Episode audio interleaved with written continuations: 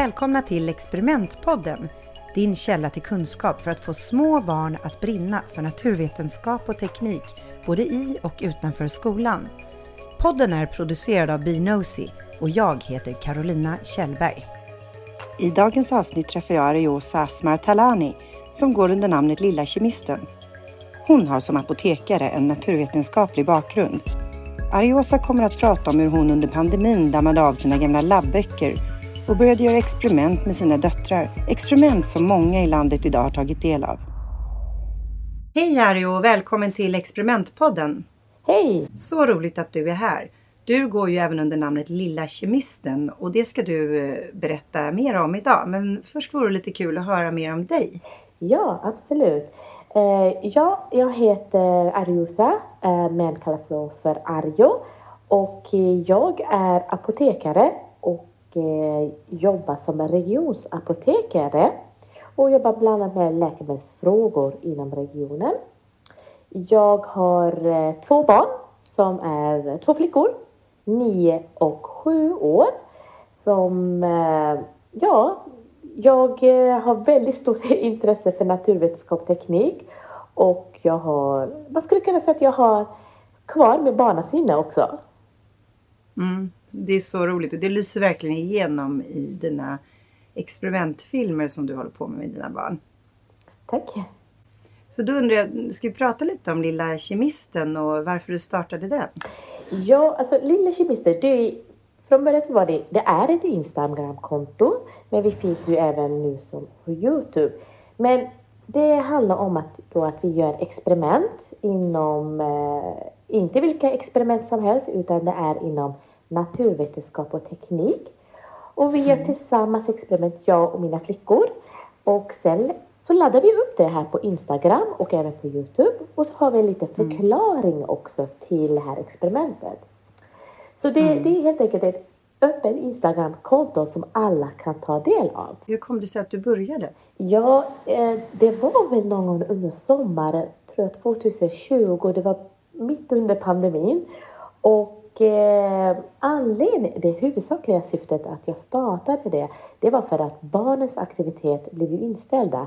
Simskolan blev inställd, det var fler aktiviteter, musikskolan. Så mina barn var väldigt uttråkade. Det var det här med mm. man skulle ha distans också, så det var inte så lätt att gå till en lekpark och leka med barnen. Så Nej. ja, vad gjorde jag då? Då tänkte jag så här, nu måste jag hitta på något som är roligt som båda kan tycka det är roligt eftersom det är två år mellan dem. Och samtidigt mm. så kände jag att jag måste vara med som en lekkamrat eftersom det var inte lätt att bjuda in andra barn eller familjer. Så eh, vad gjorde vi då? Jo men då, det var, det var, jag tror det var någon dag när det regnade, så gick jag ner till källaren, skulle städa. Eh, och då mm. upptäckte jag eh, mina gamla eh, gymnasieböcker, även från högstadiet, kemiböcker. Mm. Och det var ganska kul för då hade jag sparat alla mina eh, ja, experiment som man hade gjort i skolan, alla rapporter. Och den tiden, wow. ja, det var lite nostalgi. Och den tiden så använde man inte dator. Då var det ju A4-papper som man antecknade och, och, skrev då vad man kom fram till. Och då tänkte mm. jag så här, ja men de här experimenten skulle jag kunna göra he- tillsammans med flickorna. Så jag gick upp, mm. tog fram lite grejer som jag hade hemma, försökte leta efter lite bakpulver och så. Eh, och eh, då testade vi och barnen tyckte det var så himla kul. Ja, det blev väldigt stökigt i köket, men, men det var värt städningen. Och uh, vad jag gjorde är att jag la upp det på mitt Instagramkonto, det här som är då uh, privata Instagram, som inte andra har tillgång till. Men då var mm. det en, uh, en förskolelärare som jag hade på Instagram, eller som en vän, som undrade om inte jag skulle kunna ladda upp det här så att alla kunde ta del av det här experimentet. Mm. Eh, men det vill jag. Jag vill inte öppna mitt eget konto. Så då startar jag ett eget konto som heter då, ja men Lilla Kemisten. Mm. Eh, och då laddar jag upp eh, det här experimentet och eh, skriver lite väldigt, väldigt enkel förklaring. Och sen så, resten är historia. Det bara spred sig vidare och så började det komma in flera följare. Och det är så himla bra också. För att ehm, Du siktar ju på att nå ut till eh, alla i yngre grupper. Men vilken målgrupp tycker du egentligen är viktigast att nå ut till? Ja, jag skulle väl kunna säga så här att jag tycker det är viktigast att nå ut till de som faktiskt dagligen inte arbetar med naturvetenskap och teknik eller eh, som inte är, behöver vara akademiker eller till och med föräldrar som inte av någon anledning inte avslutar sin grundskola. Eh, mm. Nå ut till de som skulle behöva lite mer stöttning. För syftet med det är att jag vill att de här föräldrarna ska kunna få mm. rätt verktyg för att hjälpa sina barn. Eh, och jag har ju stött på föräldrar eh, från mina barns skola där de upplever att det börjar bli lite svårt att hjälpa sina barn med läxorna när barnen börjar introduceras för nya ämnen, naturvetenskap, teknik. Det blir svårare. Och har man mm. inte själv studerat naturvetenskap och teknik så blir det väldigt svårt. Så att jag försöker mm. komma med då rätt verktyg så att de kan sedan hjälpa sina barn och för att väcka då intresse för naturvetenskap och teknik. För vi vet att de här ämnena är väldigt svåra sen när barnen kommer upp till högstadiet. Finns inget intresse, då blir det svårt att hänga med. Eh, så jag tror mm. att det är ganska viktigt att i tidig ålder försöka introducera eh, på, på ett lekfullt och roligt sätt. För då är de ju som svampar och tar till sig den mesta kunskapen. Så bygger man en grund då så har de ju väldigt mycket mer möjligheter att ta till sig saker och inte tycker det är lika svårt inom naturvetenskap och teknik när de blir äldre. Ja, det håller jag med om. Och det är ju också för att när man börjar högstadiet, när det blir mer lite allvar det här med kemi, fysik, biologi, då är det ganska mycket runt teori. Man ska förklara varför. Och jag tror mm. att det är mycket lättare om de får testa och ha viss förståelse. Man behöver inte förstå allt, men viss förståelse för de här experimenten. Då blir det lättare när man blir äldre, när man börjar läsa om varför blir det på det här sättet och vad, vad, det teoretiska blir det mycket roligare om man då har fått testa det. Ja, och sen har man exponerats lite för att en vuxen använder rätt begrepp och så, så har man ju också introducerats för de orden tidigt och då blir det inte så främmande sen när man ser dem igen. Absolut, det håller jag med om. Och det blir så orättvist med att de vuxnas inflytande på barnens skolarbete spelar så stor roll om nu vuxna inte kan så mycket naturvetenskap eller som du sa inte har grundskoleutbildning. Du har ju en jättebra utbildning och ett roligt stimulerande jobb idag. Men du har ju själv en sån bakgrund. Kan inte du berätta lite mer om, om den? Ja, men absolut. Nej, men jag kommer från en, en stor familj eh, och eh, jag hade föräldrar som eh, inte är akademiker. Och, och sen så hade vi, mina föräldrar kom ju när de var lite äldre till Sverige för att jag är inte född i Sverige utan jag kom hit när jag var fem år gammal. Så att det var ju väldigt mm. svårt för mina föräldrar. Dels det kulturella och det var ju det blev lite kulturkrock och sen språket och sen hade de inte möjlighet att kunna hjälpa mig med skolarbete. Nu hade jag mm. ju lite tur att jag hade en äldre syster som var ungefär 11 år äldre, hon är 11 år äldre, som kunde hjälpa mig, stötta mig med skolarbete. Eh, men mina mm. föräldrar hade inte möjlighet. Det de kunde hjälpa mig med är att verkligen stötta mig med att tala om för mig hur viktigt det är med en utbildning och att, eh, mm. att, att det är viktigt med att man läser och att man och försöka verkligen väcka intresse eh, när det gäller de olika ämnena. Men det var ju väldigt svårt. Jag kunde inte gå till mina föräldrar och fråga om hjälp eh, när det blev svårare när jag kom upp till högstadiet. Eh, mm. Min mor fick tyvärr inte chansen att gå i skolan när hon var yngre, så hon är ju analfabet.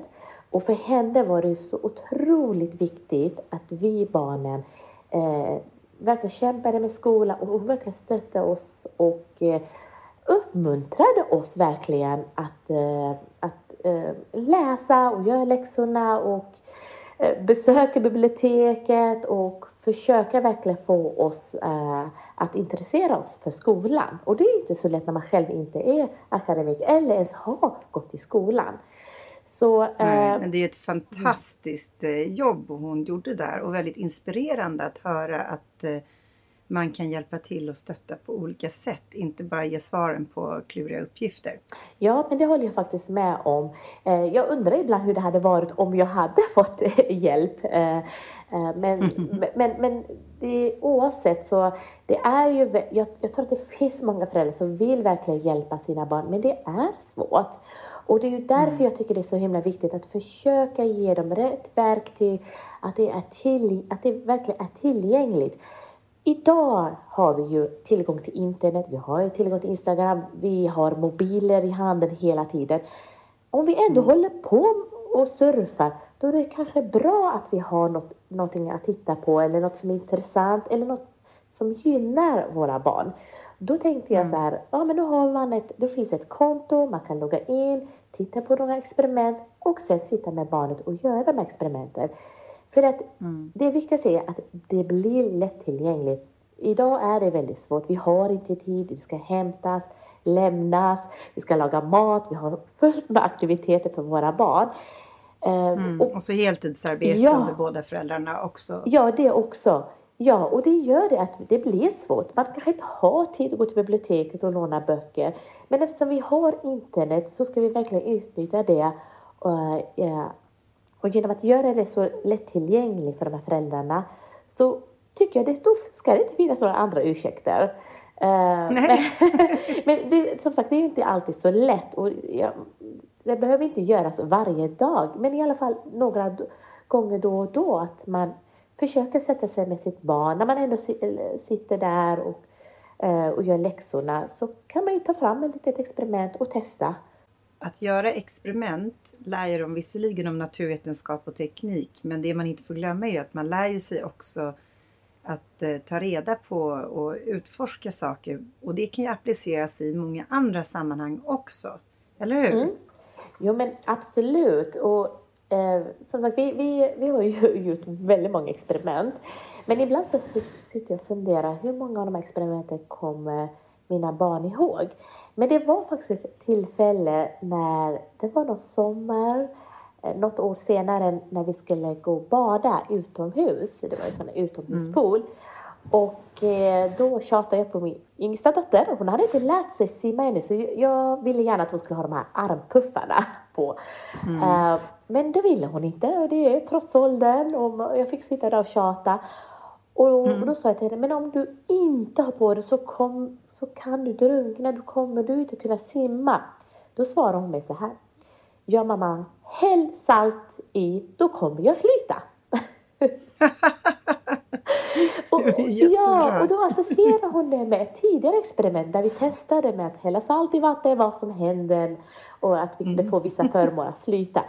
Och det var ju så himla kul att hon nämnde det. Ja, men så fantastiskt hur man kan använda eh, kunskap från ett litet experiment mm. i verkligheten. Mm. Du fick bära med dig mycket salt till poolen. Åh oh, ja, åh oh, ja. Men jag skulle tycka det var så roligt att gå in lite på någon av de experiment du har gjort i detalj. Eh, skulle du vilja berätta lite om eh, några experiment? Ja men absolut. det, det här är experiment som också har med vatten att göra och pool. Men ett experiment som jag tycker är både lärorikt men samtidigt ganska kul för barnet. Eh, det är att man tar fram clementin eh, mm. och så har man eh, vatten och bägare. Så det är bara de här tre sakerna mm. man behöver.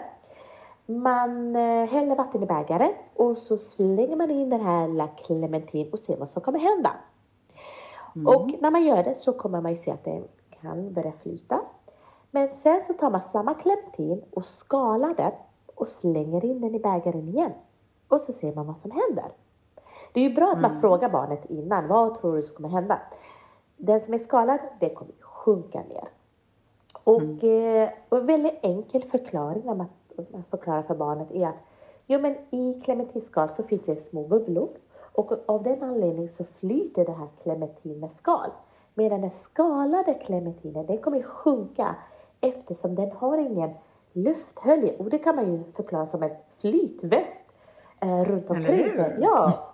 Och därför kommer den då alltså eh, sjunka i botten, den som är då alltså skalad.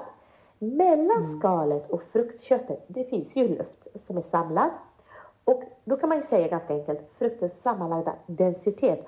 Det kanske är svårt att förklara för bara vad densitet är, men man kan tala om att det är som täthet, att, att det är mer kompakt. Och mm. den här densiteten blir då lägre än vattnet, vilket gör att den då kan flyta med skalet på. Och då kan man ju förklara för barnen varför det är viktigt att ha på sig flytväst när man åker båt eller varför man har armpuffar. På ett väldigt enkelt sätt. Men det roliga är att då kommer barnen säga, ja men då vill jag testa andra frukter och det kommer de vilja göra. Då kan man ta fram en mm. citron, mm. testa. Här är det med citron att ibland funkar det, ibland funkar det inte. För den är inte lika bra flytvätsk citron. Och sen kan man ta fram en lime. För vi vet ju hur svårt det är att skala lime. Den kommer mm. ju direkt sjunka. För där är det ganska, det är ganska tight, själva skalet. Så det är ett ganska kul experiment att barnen får testa. Ja, och väldigt enkelt mm. att göra och snabbt också. Absolut. Har du något annat experiment att berätta om? Ja, en annan som är ganska kul experiment är det här, det här var ju populärt när jag var yngre, i alla fall på 90-talet. Det var mm. ju att man, eh, vi kommer ihåg när man eh, eh, tog en ballong och, och gnuggade mot håret och sen så försökte man få den att fastna på väggen. Mm. Eh, och det var ju ganska kul experiment. Men man skulle kunna eh, gå vidare med det här experimentet är att man tar då en ballong, man har en burk, en sån 33 centiliters burk och eh, så ställer man den här burken på, eh, på golvet. Man tar mm. en ballong, gnider mot håret och för den här ballongen nära burken. Inte så att den nuddar burken, men tillräckligt nära. Och så drar man den här ballongen mot sig. Då kommer man se att den här burken kommer röra på sig. Och det här är så himla kul. Vi testade det här eh, vi hade bakkalas förra veckan med temat naturvetenskap och teknik. Och då testade mm. vi det här och barnen bara skrattade och tyckte det var så himla kul och trodde att jag var trollkarl. Uh, att jag hade någon tråd som drog i den där, men det hade jag inte. Och det här är som sagt jättekul experiment och vad som händer är, om man ska förklara för barnen, det är att när ballongen gnis mot håret, vi har ju eh, minusladdningar, vi har både plus och minusladdningar eh, på den här ballongen, även på håret. När ballongen mm. gnis mot håret så kommer de här små minusladdningar, elektroner, att hoppa från håret till ballongen. Den tomma burken, den har ju lika många plusladdningar som minusladdningar. Så då ballongen kommer nära burken kommer de rö rörliga minusladdningarna i burken flytta sig så långt bort från ballongen som möjligt. Det innebär mm. att kvar blir plusladdningar. Eftersom plusladdningar dras mot minusladdningar kommer burken röra sig mot ballongen. Och det är det här mm. vi kallar för statisk elektricitet. Så det här är ju väldigt det... enkelt experiment. Jätteenkelt och superfin förklaring där. Och roligt för barnen att den här osynliga kraften eh, påverkar burken så att den rör på sig. Ja, absolut. Det är coolt. Ja. När du gör experiment, hur tänker du då med ingredienser och så? För det kan ju vara lite... Vad behöver man ha för att göra dina experiment? Ja, det viktigaste, jag försöker så gott det går att ha ingredienser som man har hemma redan. Och anledningen, det är två anledningar egentligen. Jag upplever att det finns många barnfamiljer där ute som skulle behöva tips och idéer på aktiviteter som inte kostar. Vi har ju mm. ganska tufft nu med inflationen som har ökat. Vi har räntehöjningar när det gäller bolån. Vi har matpriserna och mm. ja, oro i andra länder. Och då tänker jag så här, då är det väldigt viktigt att man inte ska behöva gå och handla saker utan verkligen ha ingredienser man har hemma. Dels för också att mm. barn förstår att ja, men det här kan jag ju använda för att göra experiment. Jag är inte stor fan av att man ska gå och köpa konstiga lösningar som barn knappt vet vad det är för någonting. Utan verkligen mm. använda med bakpulver, ättika som man redan har hemma och ägg. Så att de ser de här, eh, har stor, större förståelse för de här vardagliga fenomen som vi har runt omkring oss. Så jag mm. upplever att det är faktiskt många barnfamiljer som vill gärna ha aktiviteter som inte ska behöva kosta. Vi har många jättefina science center i Sverige. Men som alla vet, det kostar och det kostar för en hel familj att betala entrén. Eh, och därför tänker jag att ja, men, om man inte har möjlighet att besöka olika science center, varför inte göra det här hemma och att det inte ska kosta mer än vanliga ingredienser som man köper. Mm, det är ju strålande ju att du, att du tänker så och gör så. Men sen så är det ju också, då går det ju fortare och så blir det också mer tillgängligt och enklare att göra experiment om man inte behöver hålla på och gå och handla för att förbereda dem. Absolut. Mm. Tack snälla för att du har varit med idag i Experimentpodden. Det var så trevligt. Tack själv för att jag fick vara med. Det var ju jättekul. Tack för att du har lyssnat på Experimentpodden. En Binosy-produktion med mig, Carolina Kjellberg. I nästa avsnitt kommer jag att träffa Sara Engqvist från Nobelprismuseet. Vill du få detaljer kring experiment så gå in på binosy.com, alltså B-N-O-S-Y, och prenumerera på vårt nyhetsbrev eller vår Youtube-kanal Binosy Kids. Vi hörs snart igen.